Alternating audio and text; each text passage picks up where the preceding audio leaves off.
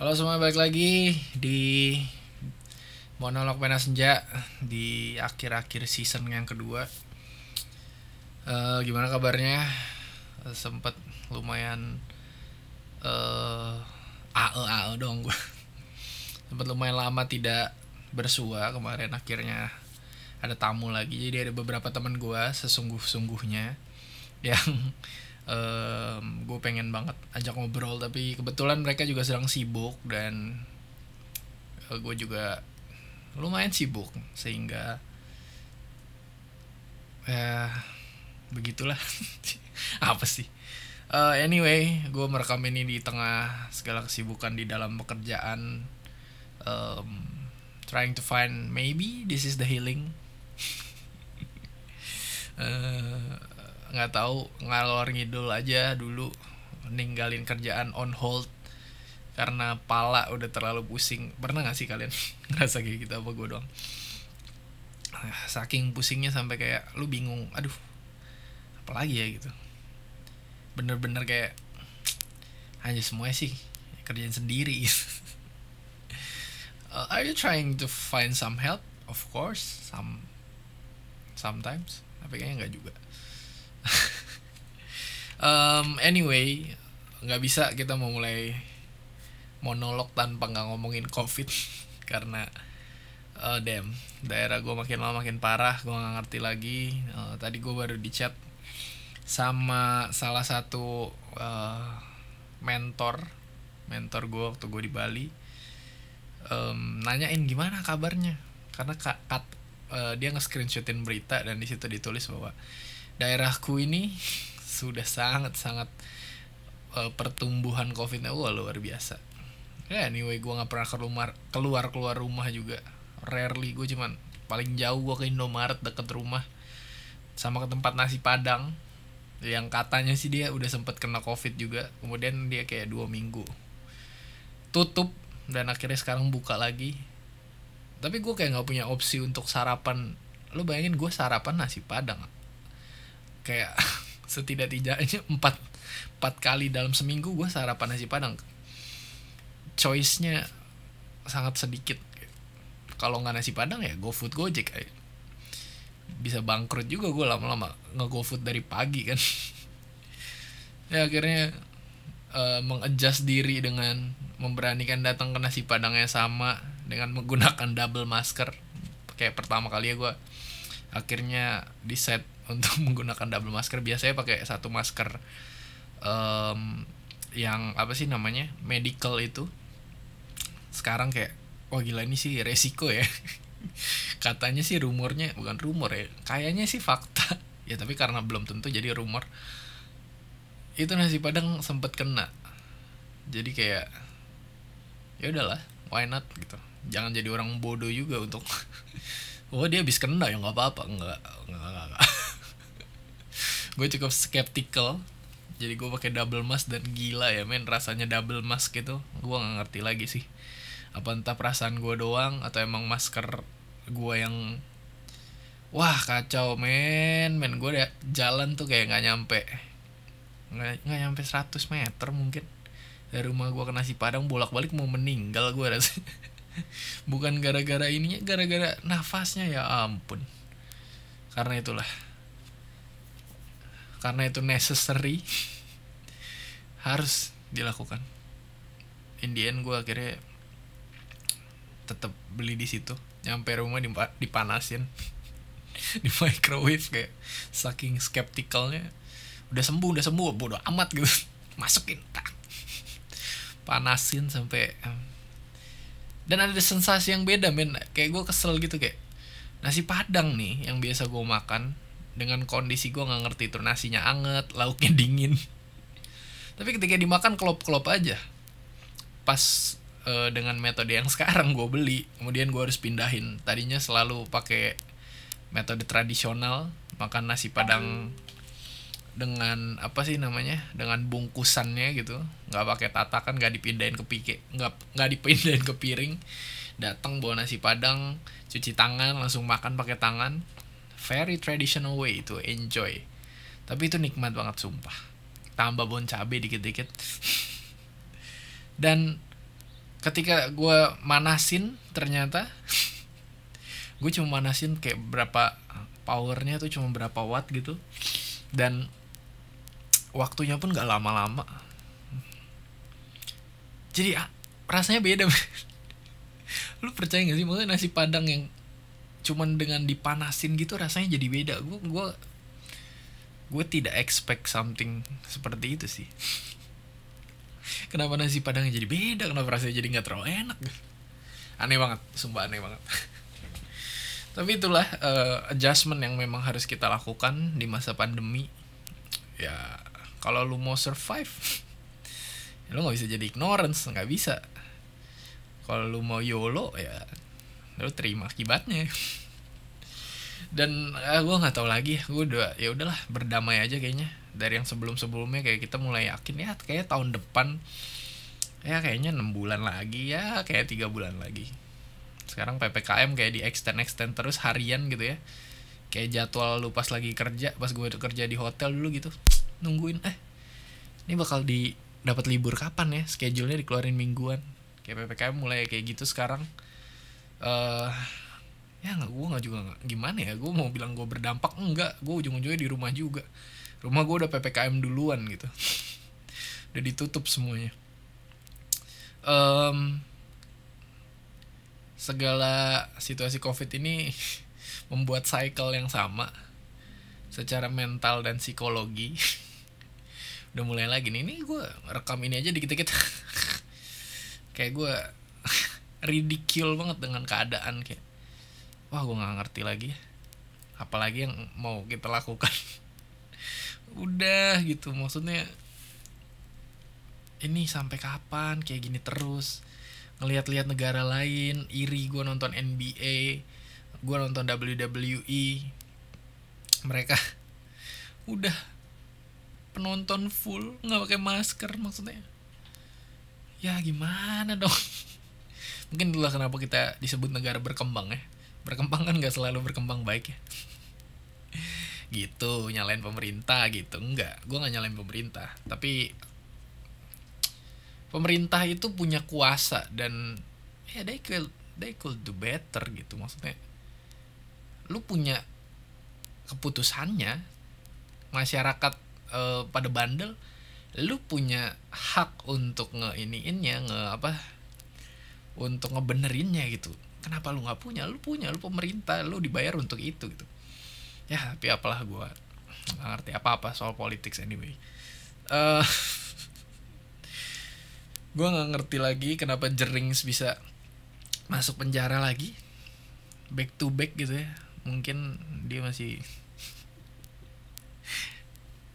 dia punya urusan yang belum selesai kali sama temennya di dalam gue nggak tahu. Uh, orang yang gue nggak ngerti dengan gue ngerti dengan ideologinya. Maksudnya dia adalah orang idealis anaknya pang banget bla bla bla bla bla bla. Cuman gue nggak gue nggak ngerti dengan kok ada orang yang nggak bisa apa ya istilah nggak bisa cope with other aja. Maksudnya eh pendirian lu penting tapi lu ya yakin banget pendirian lu se maksudnya kalau udah ada ribuan jutaan orang hampir semua orang nggak tahu hampir semua sih. Bilang lu salah bukannya lu harusnya udah mulai mikir ya iya kayaknya gue salah deh. Maksudnya kalau nggak gitu ya lu nggak akan pernah tahu men lu bener apa enggak karena apa yang kita lakuin di mata kita makanya bener-bener aja. Cuman kan orang lain yang ngelihat kan hmm mereka juga punya perspektif dan kan itu kan society gitu. Itulah bagaimana cara kita hidup cope with each other. Tapi kok ada orang gitu udah udah habis masuk penjara tapi kemudian membuat sesuatu lagi. Gue yakin sebenarnya dia udah berubah sih. Cuman mungkin karena dia nggak mau dilihat sell out aja kali. Aku nggak tahu gue takut juga ngomong ini banyak banyak uh, walaupun dia juga pasti nggak kenal sih. Um, berita-berita juga aneh-aneh. Gue mulai uh, apa sih namanya orientasi gue nyari berita tuh bukan nyari berita yang penting-penting lagi dong. Gue nyari berita yang lucu-lucu aja karena gue rasa itu yang paling yang paling dibutuhkan di saat-saat kayak gini. Uh, sanity gitu. Um, di mana berita bikin lu ketawa tapi orang ngelawak malah bikin lu marah. Uh, banyak orang-orang yang mempersalahkan para komedian dan komedian dengan pembelaan asalnya selalu uh, semua orang pasti tersinggung ya bener juga sih. Tapi uh, yang terpenting ya nyari kewarasan sih. Kayak sekarang-sekarang uh, selalu mencoba untuk membuka percakapan dengan teman-teman. Walaupun sekarang gua sekarang gue ada di fase hidup seperti bukan seperti mirip sama uh, series Friends episode terakhir. Lu kalau yang nonton Friends salah satu best sitcom ever uh, ceritanya tentang enam orang mereka berteman dan itu long lasting gitu ceritanya tuh benar-benar seriesnya tuh 10 season di sepanjang satu tahunnya satu season kalau nggak salah. Dan jadi mereka benar-benar dari muda sampai tua di di series itu gitu. Menggambarkan sebuah pertemanan seperti judulnya. Dan uh, lucu banget uh, banyak momen yang touching dan lain-lain. Gue rekomendas gue rekomendasiin banget buat kalian yang lagi nyari tontonan tontonan yang ringan. Ada di Netflix by the way. Dan uh, lo akan kehukap banget sama cerita mereka berteman sekian lama uh, through the thick and thin gitu ya bareng-bareng susah seneng dan lain-lain sedih kecewa. Ada yang punya relationship uh, satu dengan yang lainnya. Sampai akhirnya di episode terakhir dan gue kemarin baru nyelesain nonton itu rewatch yang kedua kalinya. Dan bener-bener uh, ternyata fase itu emang ada di hidup lo. Lu punya temen banyak lu having fun lu masih muda lu ngom lu ngumpul di lu kongko-kongko ke tempat yang lu sebut base camp uh, dan akhirnya suatu saat nanti hidup memaksa lu untuk berpisah supaya lu bisa survive. Jadi menurut gue memang memang agak kejam karena ya untuk survive ya kita mesti kerja. Dan ketika kita kerja kita akan kehilangan waktu. Dan ketika kita kehilangan waktu maka kita akan susah untuk ketemu sama teman-teman. Um, eh being supportive with each other walaupun jauh gitu ya tapi beda men. Perasaannya perasaannya sangat berbeda. Ketika lu harus uh, kerja dan plus ditambah kondisi pandemi mungkin kalau misalnya lagi nggak kondisi pandemi akan jauh lebih baik. Tapi uh, gue sempat kerja sama temen gue tapi akhirnya dia memutuskan untuk resign untuk mengejar uh, karirnya di tempat yang lain. Kemudian teman-teman gue berangsur-angsur satu persatu akhirnya pada punya kerjaan dan mulai sibuk. Uh, my closest friend gitu ya. Dan akhirnya berasa bahwa ah, lu emang walaupun sebelumnya gue ngerasain ya nih kayaknya nongkrong nongkrong gini nggak akan selamanya sih. Cuman ketika ini terjadi sekarang akhirnya gue ngerasa anjing lonely juga ya. Kayak nggak punya waduh teman-teman gue pada sibuk gitu. Akhirnya biasanya main malam-malam juga ngajakin main Mobile Legends dan lain-lain. Uh, waktunya juga susah mereka ada yang harus tidur cepat ada yang banyak project kan. Dan akhirnya ya mulai timbul tuh rasa-rasa nggak enak buat ngajak karena aduh. Ter dia lagi ini sih walaupun sebenarnya itu rasa yang sangat bodoh ya kalau ngajak mah ngajak aja. Cuman eh itu, itu happens gitu. Itu terjadi dalam hidup lu kayak uh, lu terpaksa bukan karena lu marahan bukan karena apa tapi karena emang wah anjir kita harus ngejar masa depan nih. Kayak time is ticking gitu orang-orang dan segala standarnya tetap berjalan dan akhirnya lu harus mulai weh men kayaknya kita nggak bisa main lama-lama lagi. Dan akhirnya uh, pertemanan lu agak menjauh. Sedih sih sedih banget sedih sedih. Uh, uh, gua gua adalah tipe orang yang sangat menghargai pertemanan gue percaya pertemanan itu uh, it makes you feel alive. Maksudnya hubungan antar manusia ya kita uh, ada saatnya kita kenalan sama stranger dan lain-lain dan itu aja udah bisa bikin kita happy. Dan friendship is the next step. Uh, lu punya temen lu saling ngerti lu melewati banyak hal dan lu melewati banyak hal bareng dan lu decide untuk sama-sama tetap temenan it's such a process dan dan itu kan membuat bonding antara lu sama temen lu semakin erat dan akhirnya uh, you have value to each other. Lu punya nilai antara satu sama lain gitu. Jadi wait.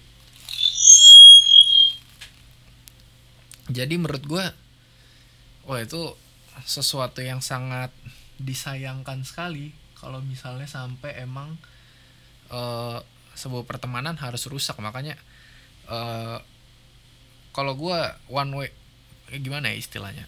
Buat jadi temen gue ya orang kalau kenal kenal aja bisa. Cuman untuk menjadi orang yang memang di acknowledge sebagai friends itu nggak gampang. Kalau buat gue gue ngejaga line gue dengan cukup baik. Tapi ketika udah masuk line-nya keluarnya pun sebenarnya tidak tidak mudah juga. Maksudnya ketika lu udah jadi temen gue gue akan ngargain temen gue all out gitu. Jadi ini apa sih hujan nih? Ya men kayaknya hujan. Anyway uh, jadi gue berharap kalian yang masih muda-muda lu punya temen lu punya temen baik uh, hargai temen lu. Uh, gue selalu nekenin ini ke diri gue nggak usah gengsi, gengsi sama temen lu. Karena gengsi buat apa sih? Orang sama temen sendiri sama pacar ya gengsi gengsi dikit dikit walaupun gak penting juga menurut gue.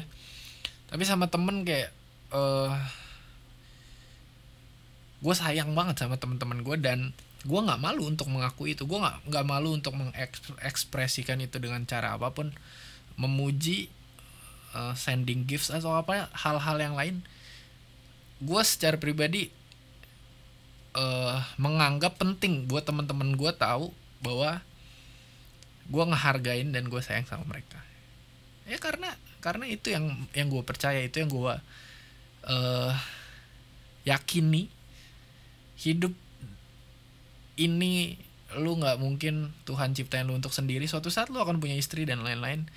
But friends will stay. Teman-teman lu ini yang mungkin akan sampai tua akan cerita-cerita sama lu yang akan saling melengkapi puzzle-puzzle di ingatan lu tentang masa-masa lalu nanti lu pas udah tua dan lu mulai bercerita kayak oh iya ya waktu itu kita pernah gini. Di sebuah malam dengan uh, bapak-bapak gendut semua yang saling ngobrol sambil minum mungkin. Dan itu bisa conversationnya bisa long lasting banget. Saling ngingetin satu sama lain. Kalau lu nggak punya temen lu mau ngapain men? Hidup tuh jangan individualis hidup tuh jangan diri lu diri lu doang diri lu relationship lu. Nggak men temen. Carilah teman uh, yang sharing value menurut gue penting banget.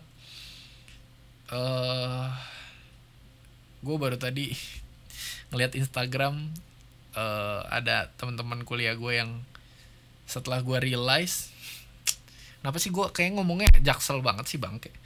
Bahasa Inggris bahasa Indonesia. Setelah gue sadari gue lihat gitu ya uh, gue nggak tahu ini bener apa enggak orang-orang yang foto di clubbing atau di uh, apa sih namanya event DWP atau apalah itu gue nggak pernah tahu. Itu kan mereka suka foto-foto tuh bareng-bareng tuh kayak ya pakai baju tank top atau pakai baju yang minim-minim cowoknya pakai uh, baju Deus sama celana pendek Air Jordan atau sandal jepit dengan jam tangan 120 juta uh, eh, gue penasaran aja sih kayak maksudnya. Ini di foto ini kan mereka kelihatannya rame banget ya. itu sebenarnya kenal semua gak sih? Karena kita ngelihat kan kayak wah gila dia punya banyak temen nih gaul banget gini. Tapi setelah gue pikir-pikir kayaknya belum nggak belum tentu. Bisa aja ini tuh temennya siapa ini temennya siapa. Cuman kan mereka asik aja ketika diajak foto bareng ya udah foto gitu.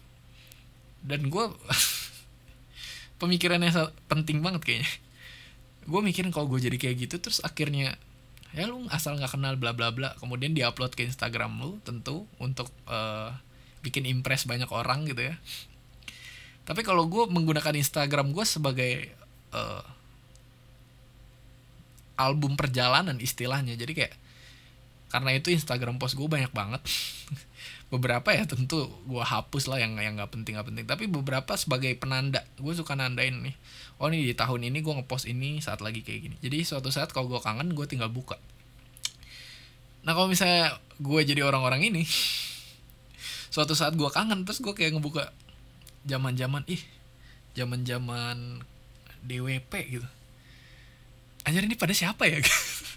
Kayak aneh banget menurut gue karena ini siapa gitu masuk ke kan menurut gue Instagram itu dipertanyakan ranah pribadi atau ranah uh, umum kalau pribadi ya easily you private your Instagram pasti ya.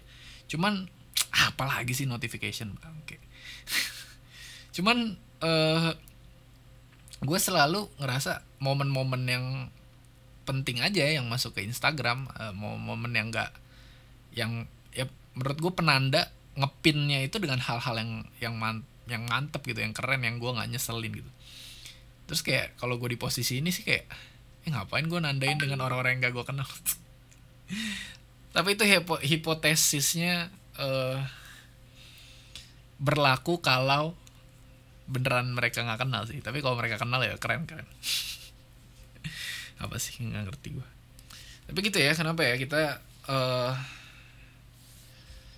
bisa asik gitu di dalam sebuah acara terhadap orang-orang. Gue gue bukan kita sih gue orang yang rada susah gitu maksudnya. Gue bisa adaptasi ya tapi kayak untuk langsung so asik deh gila men. Itu adalah salah satu spesies yang menurut gue agak susah dihandle gitu. Semua tipe orang dengan uh, dengan kata sok di depan nih orang so asik wah gila. Males banget. Orang sok pinter udah pasti kan orang apalagi sok kaya ya ampun. Man gue ngeliat lagi di lagi di viralin aduh kata-kata yang viral. Di Twitter ngambil orang dari TikTok gitu ya dihajar di Twitter yang uh, apa ngajak pamer saldo ATM ya ampun. Maksud gue ini udah berapa kali ya gue bilang lu kok kaya tapi norak ya? Orang kaya macam apa sih yang mau pamer saldo ATM-nya? Maksudnya lu udah kaya dan gak ada yang recognize lu gitu sampai lu harus ngelakuin itu. Maksud kalau gue jadi orang kaya sih gue santai aja maksudnya. Lu butuh buat pengakuan iya iya saldo lu banyak terus kenapa gitu? Aneh ya orang tuh aduh berangkat dari mana sih pemikiran kayak gini maksudnya? Gue gue mungkin mikir kayak gitu waktu gue SMA kali atau SMP gitu. Gue bisa dianggap punya banyak duit karena memperlihatkannya. Tapi kan maksudnya lu udah gede lu udah punya duit banyak itu kan pasti lu kerja. Maksudnya dalam hidup lu kerja nggak ada yang ngingetin sih oi nanti jangan dong jangan pamer kekayaan jangan foto saldo dan dan ini bukan bukan first time gitu. Maksudnya ada zaman zaman artis pamer pamer itu di TV kan maksudnya orang tuh nggak pernah belajar ya. Itu yang gue heran juga sama sosial media apa kenapa bisa banyak kali kasus uh, akan konteks hal yang sama bisa terulang gitu? Maksudnya orang misalnya ngehina artis A gitu terus nanti ada lagi yang ngehina artis A juga setelah yang yang sebelumnya diciduk. Maksudnya lu nggak pernah belajar men? Maksudnya kan beritanya ada gitu ya.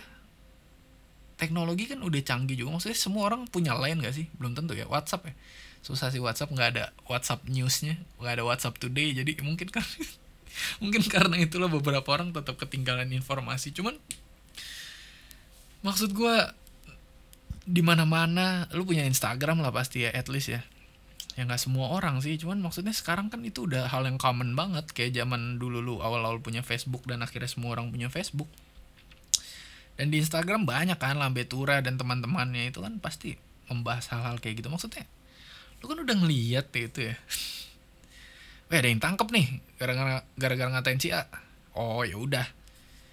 Besok besok kalau lu mau ngelakuin lu mikir dong ih gue mau ngatain dia ah.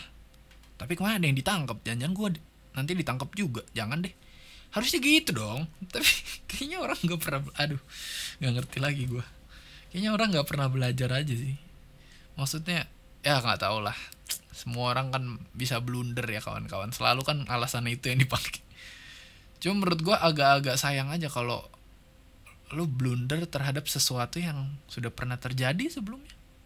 Saya nggak blunder blunder banget. Maksudnya lu harusnya bisa learning sih. Blunder tuh menurut gua semi semi honest mistake gitu. Lu bener-bener gak tahu apa apa ya udah. Ternyata tidak guys. Ternyata blunder tuh buat semua orang. Teman gua ada yang sempat nanya lagi blunder? Apa sih blunder? gitu. Kayak ngejelasinnya bingung juga. Blunder apa ya kita selama ini cuma menggunakan kata-katanya doang. Um, gue harap kalian sehat selalu. Jangan jadi beban negara guys. Jangan jadi beban keluarga juga. Pakai masker stay at home kalau emang bisa. Kalau emang lo harus kerja pakai pro protokol kesehatan lo lo yang masih pada sekolah sekolah yang bener lah men guru-guru nih juga capek aja ngurusin anak-anak sekolah online terus pada nggak bener. Lu pikir lu doang yang capek sekolah. Guru juga ngajar lu pakai energi men. Men ya gitu curhat kan. Maksudnya ya tapi kalian kids lah. Kalian masih kecil jadi mungkin uh, belum bisa menerimanya dengan lebih dewasa dan menghandlenya dengan lebih mature. Walaupun kalian harus belajar untuk itu ya tapi ya udahlah nggak bisa ngarepin anak kecil sama kayak orang tua tentu. Eh uh, apalagi? Kesepian udah ngomongin covid udah pasti udah. Renting renting udah. Lo tau pada renting ya sih cari di internet? Arti kata renting R A N T I N G. Mungkin karena itulah kenapa gue suka renting renting di Twitter ya. Karena kalau di bahasa Indonesia kan ranting sebuah tumbuhan dinyatakan bertumbuh tuh jika udah mulai akar kemudian dahan kemudian dia punya ranting sebelum dia berbuah. Jadi memang ada fasenya lu akan renting dulu sebelum lu akhirnya grow dan lu akhirnya menghasilkan buah men. Ada fase nggak nggak jangan diikutin nih teori sesat anjir. Tapi orang yang ngeluh mulu nggak susah sih maju sih gue gue gue mengakui hal itu tapi inilah kenapa orang terlalu kritis dan sensitif di saat yang sama nih. Begini rugi sendiri gue stres kan? Tapi itulah uh, kehidupan gue nggak tahu apa podcast ini per, percakapan kali ini mau dibawa ke mana. Oh kita ngomong relationship aja gimana? Um, akhir-akhir ini nggak ngerti lagi uh, soal relationship karena kebetulan saya seperti ada di isolated island. Uh, ya media sosial ada dan lain-lain tapi uh, inilah kenapa orang-orang yang apa ya mungkin karena gue nggak ikut clubbing dan ke DWP kayak orang-orang itu kali ya. Jadi saya saya rasa kesempatan saya untuk mencari jodoh juga semakin kecil.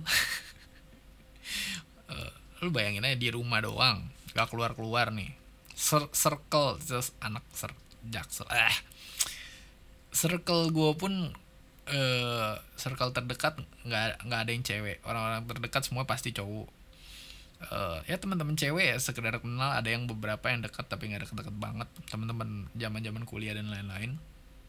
Uh, dating apps nggak bisa diharapin gue keluar dan lain-lain udah pasti nggak bisa kan uh, chance-nya lu untuk dapet jodoh ya kemungkinan lu keluar misalnya lu ke tempat ibadah bareng atau lu ketemu di mall gitu. Tapi sekarang kesempatan itu udah pasti nggak ada.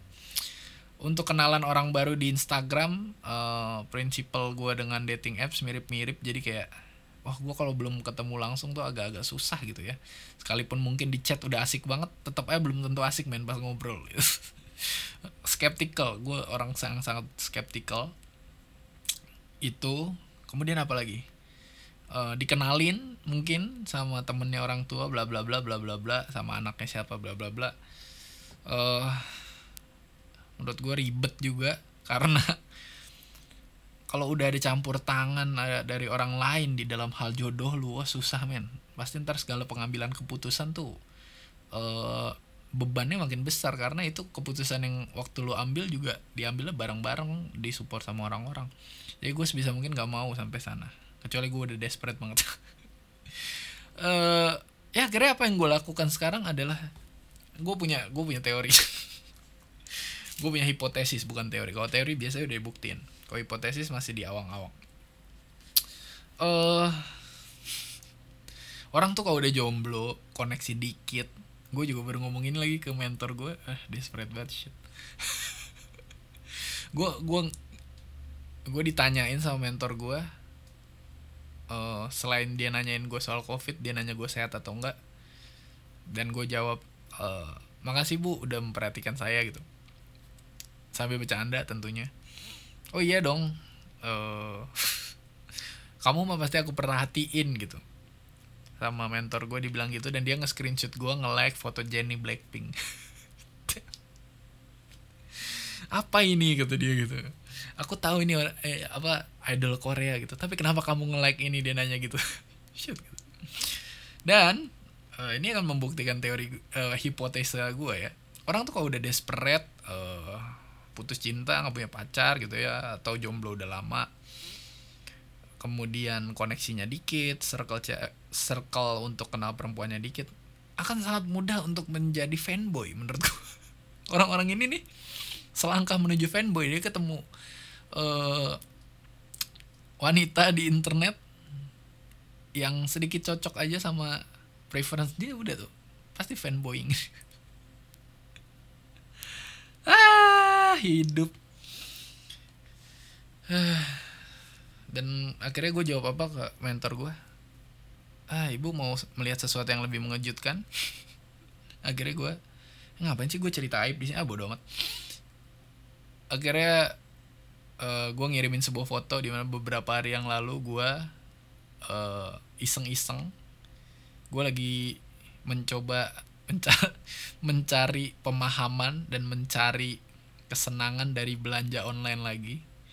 Uh, kali ini bedanya gue mencoba sebisa mungkin membeli sesuatu yang jauh lebih murah daripada yang sebelumnya mungkin mahal-mahal. Kira gue nyari-nyari kaos. Nyari kaos apa ya yang keren ya? Kira gue sempet beli kaos wibu gue beli bukan kaos sih. Gue bikin kayak gue beli kayak jaket Tokyo Revengers gitu. Kalau kalian nonton animenya bagus btw uh, eh, ya pasti gue bilang bagus lah kalau enggak gue nggak beli ya. Akhirnya gue beli itu gue gue kayak waktu keputusan mau belinya beli nggak ya? Beli nggak ya? Eh beli aja lah. Emang kenapa kalau ibu di rumah dan di saat yang sama gue juga nyari-nyari kaos kayak kaos apa ya? Oh kaos hitam polos udah punya gue udah beli lusinan gitu. Eh gue demen Blackpink ya udah beli aja Blackpink. Akhirnya cari uh, kaos dengan apa sih namanya modelnya Jisoo. Karena gue suka sama apa sih istilahnya kalau di Korea Korea gitu bias atau wah whatever lah itu. Gue suka sama Jisoo. Uh, akhirnya gue beli anjir nih ini podcast macam apa sih sebenarnya? Akhirnya gue beli sebelumnya gue juga gue sempet beli kaos yang uh, gambarnya EU Animated 8 gitu. Nah gue udah mulai ngomong hal-hal yang kalian gak ngerti bos jadi akhirnya kayak dan kenapa gue berani beli um, walaupun gue pasti tahu ada yang ngejudge gue tidak bodoh dan orang yang kayak wah gue suka. Terus kayak gue beli terus nanti pas ada yang orang ngejudge gue terus gue marah-marah enggak. Gue I totally understand. Tapi menurut gue uh, dan ini ada di salah satu cerita di series Friends juga. Salah satu quotesnya gue lupa exactly gimana. Uh, laki-laki yang insecure dengan kejantanannya adalah laki-laki yang gak berani untuk keluar dari jalur itu. Artinya gini kalau di episode itu nyebelin banget sih. Di episode itu si Joey ngobrol sama si Phoebe soal kenapa pacarnya Phoebe pas pertama kali ketemu Joey pakai wah jadi pakai celana dalam cewek. Aja aneh banget. Terus ternyata dia disuruh lah sama si Phoebe. Ya karena ada alasannya bla bla bla. Terus kayak si Joey bingung kenapa lu suruh gitu? Maksudnya kenapa dia mau gitu kan? Kayak cewek aja dia. Akhirnya si Vivi bilang justru karena dia tidak insecure dengan kejantanan dia dia berani ngelakuin hal itu. Uh, bukan berarti gue nyuruh lu pakai celana dalam wanita tapi lu ngerti nggak poinnya? Maksudnya orang kalau misalnya dia insecure dengan kejantanannya dia akan takut ketika ada orang lain bilang ah, lu kayak banci lu. Eh gue ngomong gitu sebagai contoh aja ya. Karena banyak orang yang ngomong kayak gitu. Bukan berarti gue suka ngomong ah kenapa sih gue harus membela segala sesuatu? Anyway kalau lu dikatain kayak gitu orang yang gentle mah akan santai aja. Enggak gue enggak kok. Gue gentle gitu. Dia akan santai aja. Tapi orang yang insecure dengan kejantanannya dia mungkin akan gue ya apaan sih lu? Enggak gue emang enggak gitu. Sampai akhirnya ribet.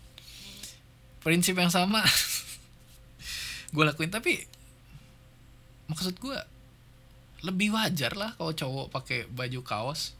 Tapi kaosnya adalah girl band menurut gue menurut gue itu masih lebih socially accept, accepted gitu ya. Maksudnya kalau disuruh suruh ada pilihan gue pakai baju girl band atau boy band gue sih milih girl band sih. Karena kan ya gue straight. Jadi gue gue suka perempuan juga. Jadi gue pasti milihnya yang girl band. Tapi kalau milih boy band gue agak ya nggak tahu ya. Mungkin karena gue nggak suka dengan genre musiknya secara keseluruhan. No offense. Ya menurut gue cukup wajar dan gue kayak ya udahlah gue beli cuek aja. Maksudnya kalau ada orang ngeliat gue ah lu suka Blackpink ya, ya emang iya. Terus kenapa gitu? Uh, menurut gue nggak ada masalah besar akan hal itu dan gue cukup secure dengan hal itu. Lu mau ngecengin gue akan hal itu pun ya nggak masalah lah. Karena uh, ya lu nggak bisa hidup dari kata orang terus terhadap segala sesuatu uh, nggak nggak penting mendengar opini-opini di internet lebih baik kita bekerja. Itu quotes terbaik yang hari ini gue dapetin juga. Jadi akhirnya fanboying terlahir dari orang-orang desperate. Kayak gue percaya orang-orang yang datang aja deh nggak gue eh udah amat yang datang ke teater JKT48 setiap minggu ketika mereka konser di sana. Lo tau kan JKT48 uh, apa sih namanya? Sister grupnya AKB mereka punya teater dan mereka perform setiap minggu. Gue yakin orang yang datang setiap minggu ke situ sebagai fan pasti dia jomblo men. Kalau dia nggak jomblo dia nggak akan datang ke tempat kayak gitu. Bener gak lo? Pasti ada ceweknya dong. Pasti ada yang bilang eh kamu jangan datang terus dong. Tapi aku suka sama si eh uh, melodi tapi kan kau punya pacar. Oh ya udah deh. Pasti kayak gitu kan? Nggak mungkin dia kayak enggak aku lebih suka melodi akhirnya pasti putus. Karena itu pasti orang-orang yang datang setiap minggu secara rutin pasti jomblo men. Karena orang kalau jomblo tuh fan girling itu menjadi lebih fan kok fan girling fan girling atau fan boying sih yang bener? Kalau cowok fan boying ya? Ah gua nggak tahu lah. Pokoknya itulah jadi fans. Itu pasti jauh lebih mudah. Karena lu akan hidup dengan melihat foto-foto idola lu dan lu akan hidup di dalam imajinasi lu doang. Dan kalau udah pasti dong imajinasi lu kan lu yang bikin. Pasti lu akan hidup happy di situ. Lu berharap di imajinasi lu lu bayangin lu ketemu dia atau dia misalnya uh, ngelihat lu atau lu mulai bikin skenario skenario film-film di pikiran lu kayak tiba-tiba lu lagi jalan di mana terus ternyata dia misalnya lagi uh, di dalam acara dia kemudian dia dikejar-kejar sama orang yang jahat dia nggak kenal. Terus it happens lu ternyata ada di tempat dan lu nolongin dia dan dia berterima kasih.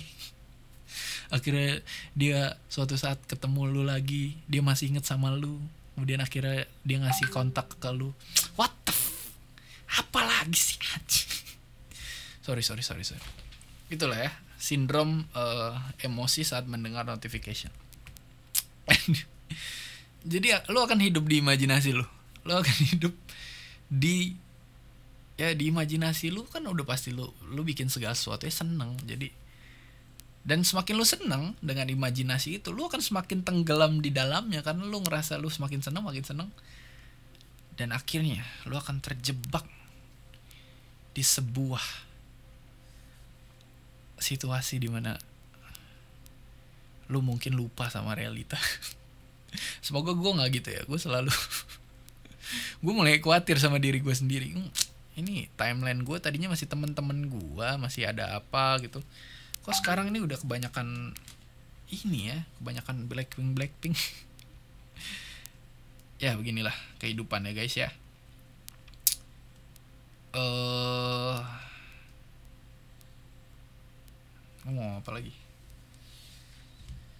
Ya gue rasa itu uh, jadi itu salah satu hobi terbaru saya walaupun gak ada yang nanya. Keren keren kalau nggak ada yang nanya.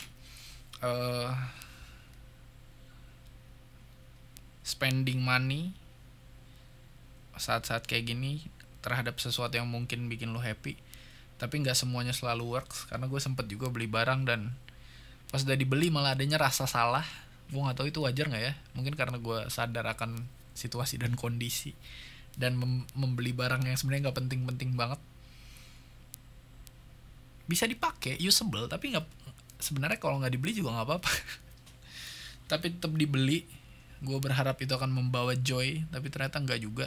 Jadi kalian think carefully before you buy something.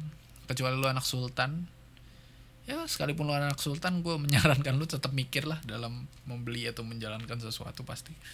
Karena kita human being kalau kita nggak mikir ya kita ngapain? Eh uh, gue itu aja makasih semuanya yang udah dengerin ngalor ngidul gue di episode kali ini. Uh, ya sejauh ini cukup healing dengan ngoceh-ngoceh sendiri. Um, gue harap kalian yang mendengarkan ini karena setelah dialog kemarin gue sama si uh, Bella gue realize ternyata juga bener-bener ternyata ada ya walaupun satu dua orang yang denger ini gitu. Gue jadi takut gue pikir gak ada sama sekali. Jadi uh, ya gue harap kalau kalian entertain feeling entertain atau ya lu ngerasa kehook dengan apa pun keanehan atau apa pun hal yang ada di podcast ini gue harap lu tetap bisa dengerin uh, semoga kalian sehat-sehat selalu. Gue Victor and I'll see you next time. Peace